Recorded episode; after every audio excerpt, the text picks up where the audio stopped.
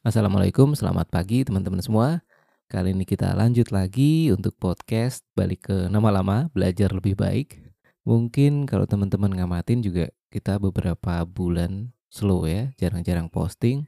Karena ini sih, karena persiapan pindahan. Jadi dulu kita di Jakarta, sekarang kita di Semarang. Dan ini Semarang Selatan. Karena ini ya, kita nggak bisa beli rumah di Jakarta Selatan, mahal jadi pindahnya ke Semarang Selatan. Dan ini di daerah Banyumanik dingin ya.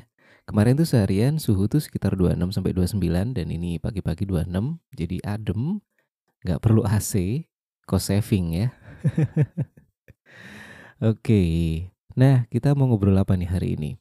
Ada sebuah cerita dari teman yang ada di sebuah grup usaha jadi grupnya cukup rame cukup banyak yang ikut dan saling sharing ini ya produknya masing-masing, servisnya masing-masing. Terus ya sesekali ada diskusi ini mengenai cara ini, cara itu gitu ya. Terus sampailah satu titik ini ngobrolin untuk bikin aplikasi, aplikasi untuk grup usaha. Nah, begitu obrolan untuk aplikasi itu muncul, ini kira-kira habis berapa?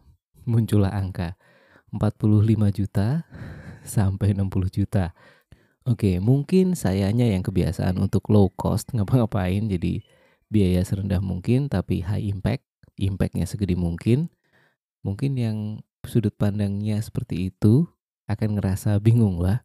Belum apa-apa, ini grup usaha belum lama running nih. Tapi ya itu, tiba-tiba muncul angka segitu.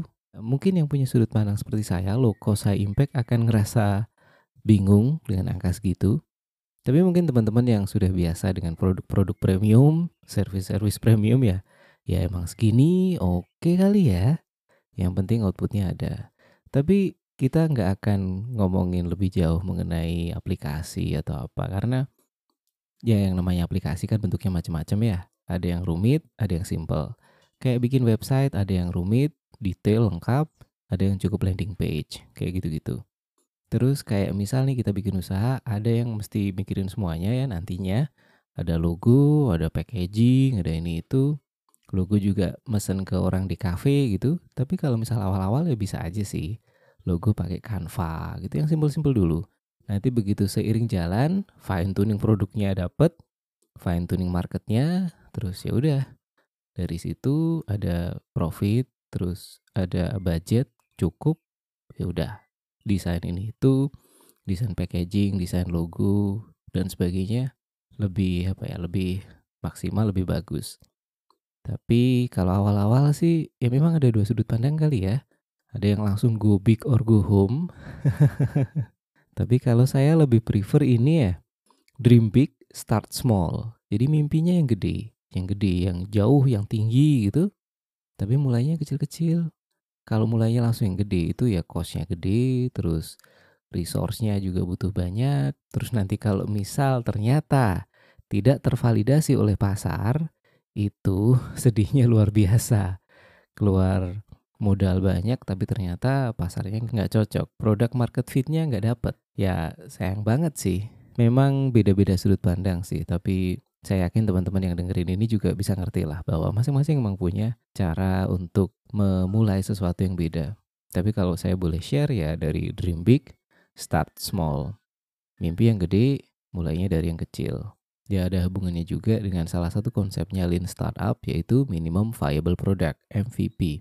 Kalau mau rilis produk, nggak harus produk yang lengkap, yang finished, kemudian packagingnya sudah yang rapi, logonya sudah yang bagus, yang istilahnya udah kayak kalau ditaruh di etalasenya minimart itu udah bagus gitu ya. Enggak, enggak seperti itu.